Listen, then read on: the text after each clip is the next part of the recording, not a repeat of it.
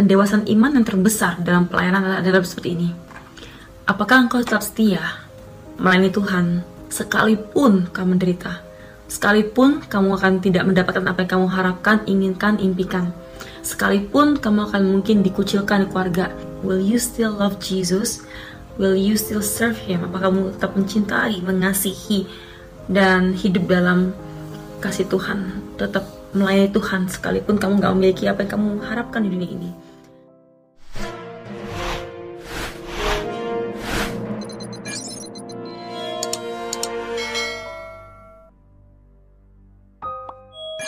Banyak yang penasaran kok bisa sih uh, kerja di pelayanan kan tadi dulunya dunia entertainment, dunia modeling, dunia bisnis kok tiba-tiba banting setir ke pelayanan banyak orang nggak tahu bahwa prosesnya nggak banting setir radikal, tapi berlahan-lahan cuman menuju kepada kepastian.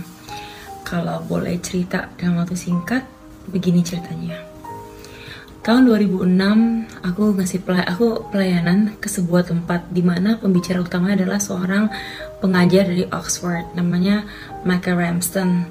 Dan pas aku ngasih kesaksian yang cuma durasi 10 menit, uh, ada seorang pendeta bernama Pak Sukirno Taryadi ngasih kesaksian itu ngasih apa mengartikatakan dalam bahasa Inggris kesaksian tersebut. Terus menurut Michael Ramson uh, kesaksiannya itu uh, berkesan, struktur rapi dan ada poinnya adalah untuk memuliakan Tuhan dalam kehidupan kita. Dan dia bilang aku ada bakat untuk bisa uh, khotbah atau bisa uh, belajar teologi dan dia menawarkan untuk mau nggak kuliah di Oxford. Nah saat itu denger ah ya ampun di UI aja nggak berani mimpi apalagi di Oxford. Akhirnya aku bilang kayak aku nggak tahu semua kekurangannya aku dan uh, dia bilang Tuhan mau kok kamu pergi. My grandma, oma aku yang dari Manado dari situ dan om aku bilang kalau Tuhan yang panggil Tuhan yang akan cukupkan dan kalau Tuhan yang panggil kita nggak boleh menolak. Akhirnya aku berangkat ke uh, Inggris dengan iman. Percaya kalau ini sungguh-sungguh Tuhan yang campur tangan dan Tuhan yang tuntun. Uh, kayak dulu itu sebentar, sebentar banget cuma beberapa minggu. Aku langsung bung, apa uh, bungkus semua barang-barang simpen di gudang terus bawa cuma koper kecil sama satu koper besar dan pindah ke Oxford Inggris. Kuliah teologi dan gak ada yang tahu. Pindah aja gitu. Uh, bisnis aku dihandle oleh sepupu aku dan akhirnya aku tinggal di uh, Oxford di Inggris Terus tahun pertama aku sekolah teologianya apologetika, membela perkara kekristenan. Terus tahun kedua dan ketiga uh, Christian Theology and Ministry, kayak sekolah pendeta gitu. Dan jadi tiga tahun di Inggris. Nah ini, wah oke okay, by the way aku lagi di Kuala Lumpur habis pelayanan. Uh, ada banyak suara-suara di karena hotelnya pinggir jalan. Um, waktu aku di Inggris tahun kedua kan akhirnya aku udah menyadari ya kalau ini sebenarnya pelayanan ini sangat penting sekali. Gimana cara aku bisa gunakan pelayanan ini untuk kemuliaan Tuhan? Uh, maksudnya sekolah ini maaf pendidikan ini untuk kemuliaan Tuhan. Aku mempelajari teologi kan bukan cuma untuk kepentingan pribadi tapi gimana caranya ini bisa memuliakan Tuhan dan bisa Tuhan pakai. Akhirnya aku berdoa cuma gini aja doanya simple banget. Kan I don't really know ya aku tuh nggak tahu apa sih sebenarnya panggilan Tuhan untuk aku pribadi dalam hal uh, pendidikan ini untuk diapain gitu. Akhirnya aku cuma berdoa gini Tuhan kalau Tuhan mau panggil aku untuk menjadi full timer di pelayanan dan menggunakan sekolah teologianya ini untuk uh, pelayanan di gereja atau di mana pun Tuhan boleh nggak kirim uh, mungkin pendeta untuk mengkonfirmasi bahwa emang aku panggilannya adalah untuk di pelayanan full timer. Tapi kalau nggak ada pendeta yang nawarkan pekerjaan di gereja dia sebagai pendeta itu artinya aku akan balik ke marketplace dan akan menggunakan uh, apa yang aku pelajarin untuk penjangkauan tapi tetap bekerja di marketplace. Dan untuk aku sih pelayanan tuh bener-bener nggak harus di gereja. Pelayanan itu bisa di mana saja harus di mana saja. Kalau kita seorang guru ya kita akan melayani dalam dunia pendidikan. Kalau kita seorang dokter ya kita melayani dunia dunia kesehatan. Uh, pokoknya apa pun kapasitas yang Tuhan berikan kepada kita di situlah tempat ladang pelayanan kita. Jadi nggak semua melayani Tuhan tuh harus di gereja. Malah kita perlu banyak sekali terang-terang anak terang di semua bidang-bidang pekerjaan di dunia ini. Dan akhirnya aku pikir ya udah pokoknya Tuhan kalau sungguh-sungguh Tuhan mau panggil aku menjadi full timer Tuhan pasti akan kirim seorang pendeta yang akan menawarkan pekerjaan di gerejanya dia. 2008, 2008 pas summer 2008 itu musim panas di Inggris aku ngambil kelas kelas ekstra namanya summer school. Dan ada seorang pendeta dari Jakarta yang bernama Pastor Dave Kenny. Dan dia lagi ngambil kelas yang sama terus dia nanya sama aku pas lagi makan siang Tracy kamu kalau udah selesai kamu mau ke mana? Aku bilang oh I don't know Pastor Dave I don't know I'm still praying. Aku bilang nggak tahu Pastor Dave aku lagi aku masih berdoa sih. Terus Pastor Dave kalimat berikutnya adalah mau nggak kamu kerja untuk saya di gereja saya di Jakarta di IES tuh kayak kesambar geledek di siang hari. Maksudnya aku I know I'm praying for it. Aku berdoa untuk biar Tuhan jawab. Tapi nggak nyangka kalau jawaban dari Tuhan tuh bisa secepat itu sedetail itu dan persis seperti nazar aku adalah kalau Tuhan sungguh-sungguh panggil untuk menjadi full timer pasti Tuhan akan manggilnya melalui pendeta yang akan mengkonfirmasi panggilan hidup aku adalah menjadi pendeta gitu. So um, itu itu berapa tahun sebelum aku um, selesai sekolah. Akhirnya tahun berikutnya aku tahu bahwa panggilannya aku adalah untuk melayani Tuhan di gereja menjadi pendeta. Empat tahun lamanya 2009 sampai 2013 ini empat tahun yang untuk aku ini empat tahun yang terberat dalam pelayanan. Karena pertama um, berubah dunia. Dari dunia entertainment ke dunia pendidikan sekarang ke dunia pelayanan. Itu benar-benar suatu hal yang sangat berat beneran. Dan mungkin dari luarnya nggak kelihatan berat tapi dalamnya itu benar-benar sangat berat kedua pergantian dari uh, keuangan yang mungkin tadinya lebih gampang nyari uang tiba-tiba hanya berdasarkan gaji bulanan yang ya gitulah. Yang ketiga adalah um, yang beratnya adalah uh, mengubah maksudnya kayak bahwa mengubah ambisi gitu. Kalau dulu ambisi adalah pengen uh, sukses pengen kaya pengen terkenal. Itu sekarang adalah cuma pengen menjadi hamba Tuhan yang setia dan begitu banyak sekali tantangan yang aku terima. Dan uh, tapi ternyata pas saat ke belakang dia tuh sungguh-sungguh Tuhan pakai untuk uh, kayak bedah hati gitu. Hatiku di apa sih Tracy motivasi kamu untuk melayani Tuhan? Apakah sungguh-sungguh mencintai Tuhan sekalipun kamu susah sekalipun kamu menderita? Apakah kamu akan setia dan gak akan berpaling dari panggilan Tuhan? Dan akhirnya I would say kalau aku boleh bilang lihat ke belakang uh, Tuhan sungguh-sungguh menguatkan dan Tuhan sungguh-sungguh memberkati untuk dalam proses tersebut. Dan akhirnya selama 4 tahun aku menikmati pekerjaan sebagai pelayan Tuhan. Ngajar ke, ke kelas apologetika di AIS kerja IS di Jakarta. Uh, khotbah di beberapa tempat ngajar di beberapa sekolah tentang teologi Kristen dan spesialnya adalah apologetika. Terus yang pasti yang paling menarik lagi yang benar-benar sungguh-sungguh campur tangan Tuhan adalah tahun keempat aku pelayanan di gereja aku dapat tawaran untuk bergabung dengan misi penginjilan yang bernama Ravi Zacharias International Ministry. Dan itu berpusat kantor pusatnya di Amerika.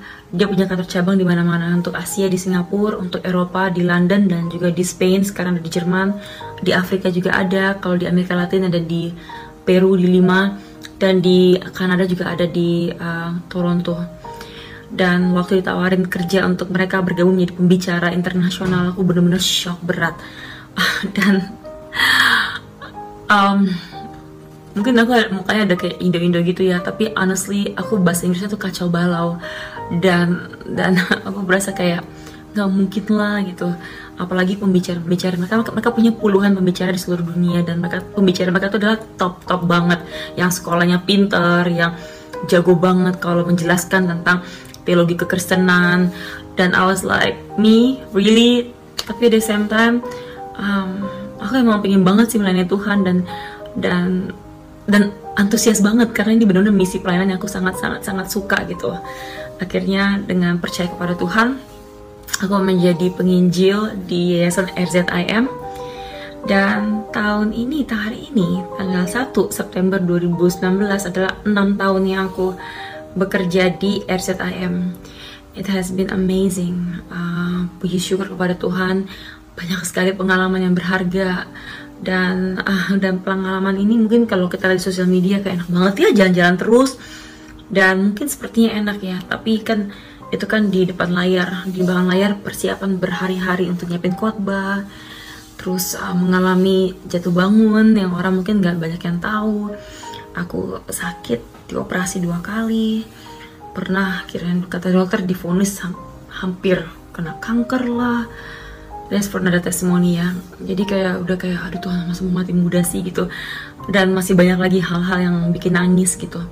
Tapi semua kisah yang aku jalankan um, ternyata itu cara Tuhan untuk menguatkan iman untuk membereskan hati dan sungguh-sungguh siapakah yang kita percaya gitu. Dan pendewasaan iman yang terbesar dalam pelayanan adalah seperti ini.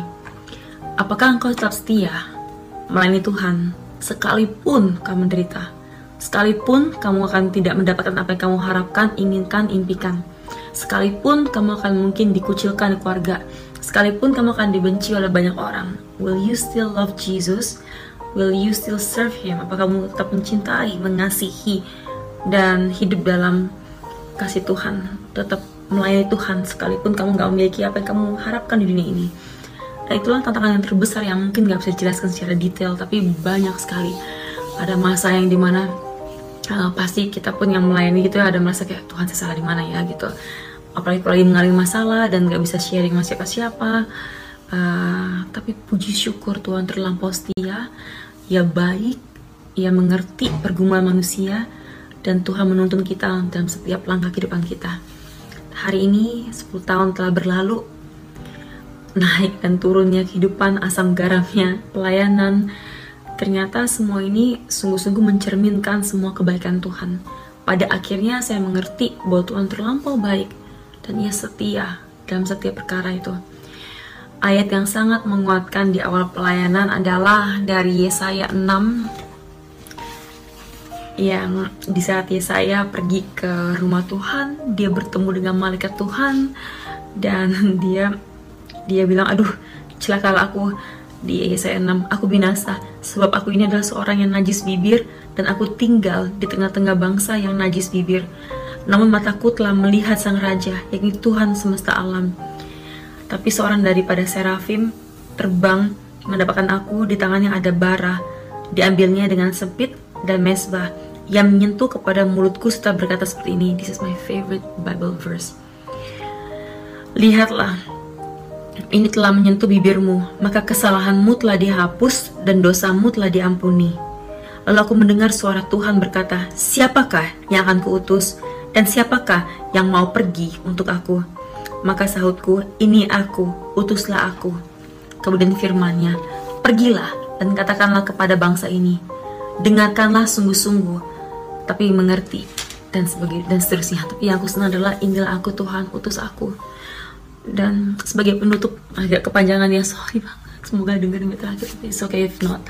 Sebagai penutup begini, aku menyadari ya kalau dalam pelayanan gak akan selalu seindah kalau kita lihat di foto atau di mana-mana pasti akan sulit tapi kita menyembah Allah yang terlampau setia, Allah yang setia dalam setiap pergumulan hidup kita, perjalanan hidup kita. Yang penting yang kita harus lakukan adalah untuk tetap setia melayani Tuhan, bersuka cita melayani Tuhan, dan kalau katanya Alkitab, ladang atau panen itu udah siap, tapi sedikit pekerjaan untuk melayani Tuhan. So I hope and pray, aku berdoa dan berharap kita semua yang mendengar kalau Anda Kristen, Anda uh, jangan takut melayani Tuhan di mana pun Anda berada, kalau Tuhan panggil, Tuhan akan cukupkan. Dan kalau Tuhan panggil, jangan menolak Tuhan. Karena dia adalah Allah yang setia dan pantas untuk disembah. Dan dunia memerlukan Tuhan. Sehingga biar Tuhan pakai kita sebagai alat Tuhan untuk menceritakan kebaikan Tuhan. Untuk menceritakan sukacita yang kita dapatkan dalam hidup dalam Tuhan. Dan sekalipun susah atau mengalami banyak masalah, tapi Tuhan akan setia membawa kita keluar dari pergumulan hidup kita. Asal kita tidak menyerah dan tidak kompromi dengan dosa. So I hope kesaksian ini um, mean something to you, berharga. Um, setiap dari kita punya kesaksian berbeda. Tuhan gak pernah bikin cerita yang sama. Itu hebatnya Tuhan dari 7 miliar orang di dunia ini. Setiap orang mukanya beda, suaranya beda, dan juga punya kisah yang berbeda tentang kehidupan mereka. He is a God yang membuat manusia begitu eksklusif. So I hope you have a beautiful story as well. Kisah bersama dengan Tuhan dalam perjalanan kehidupan saudara semuanya. I thank you so much untuk mau mendengarkan. Biar Tuhan dipermuliakan. Amin.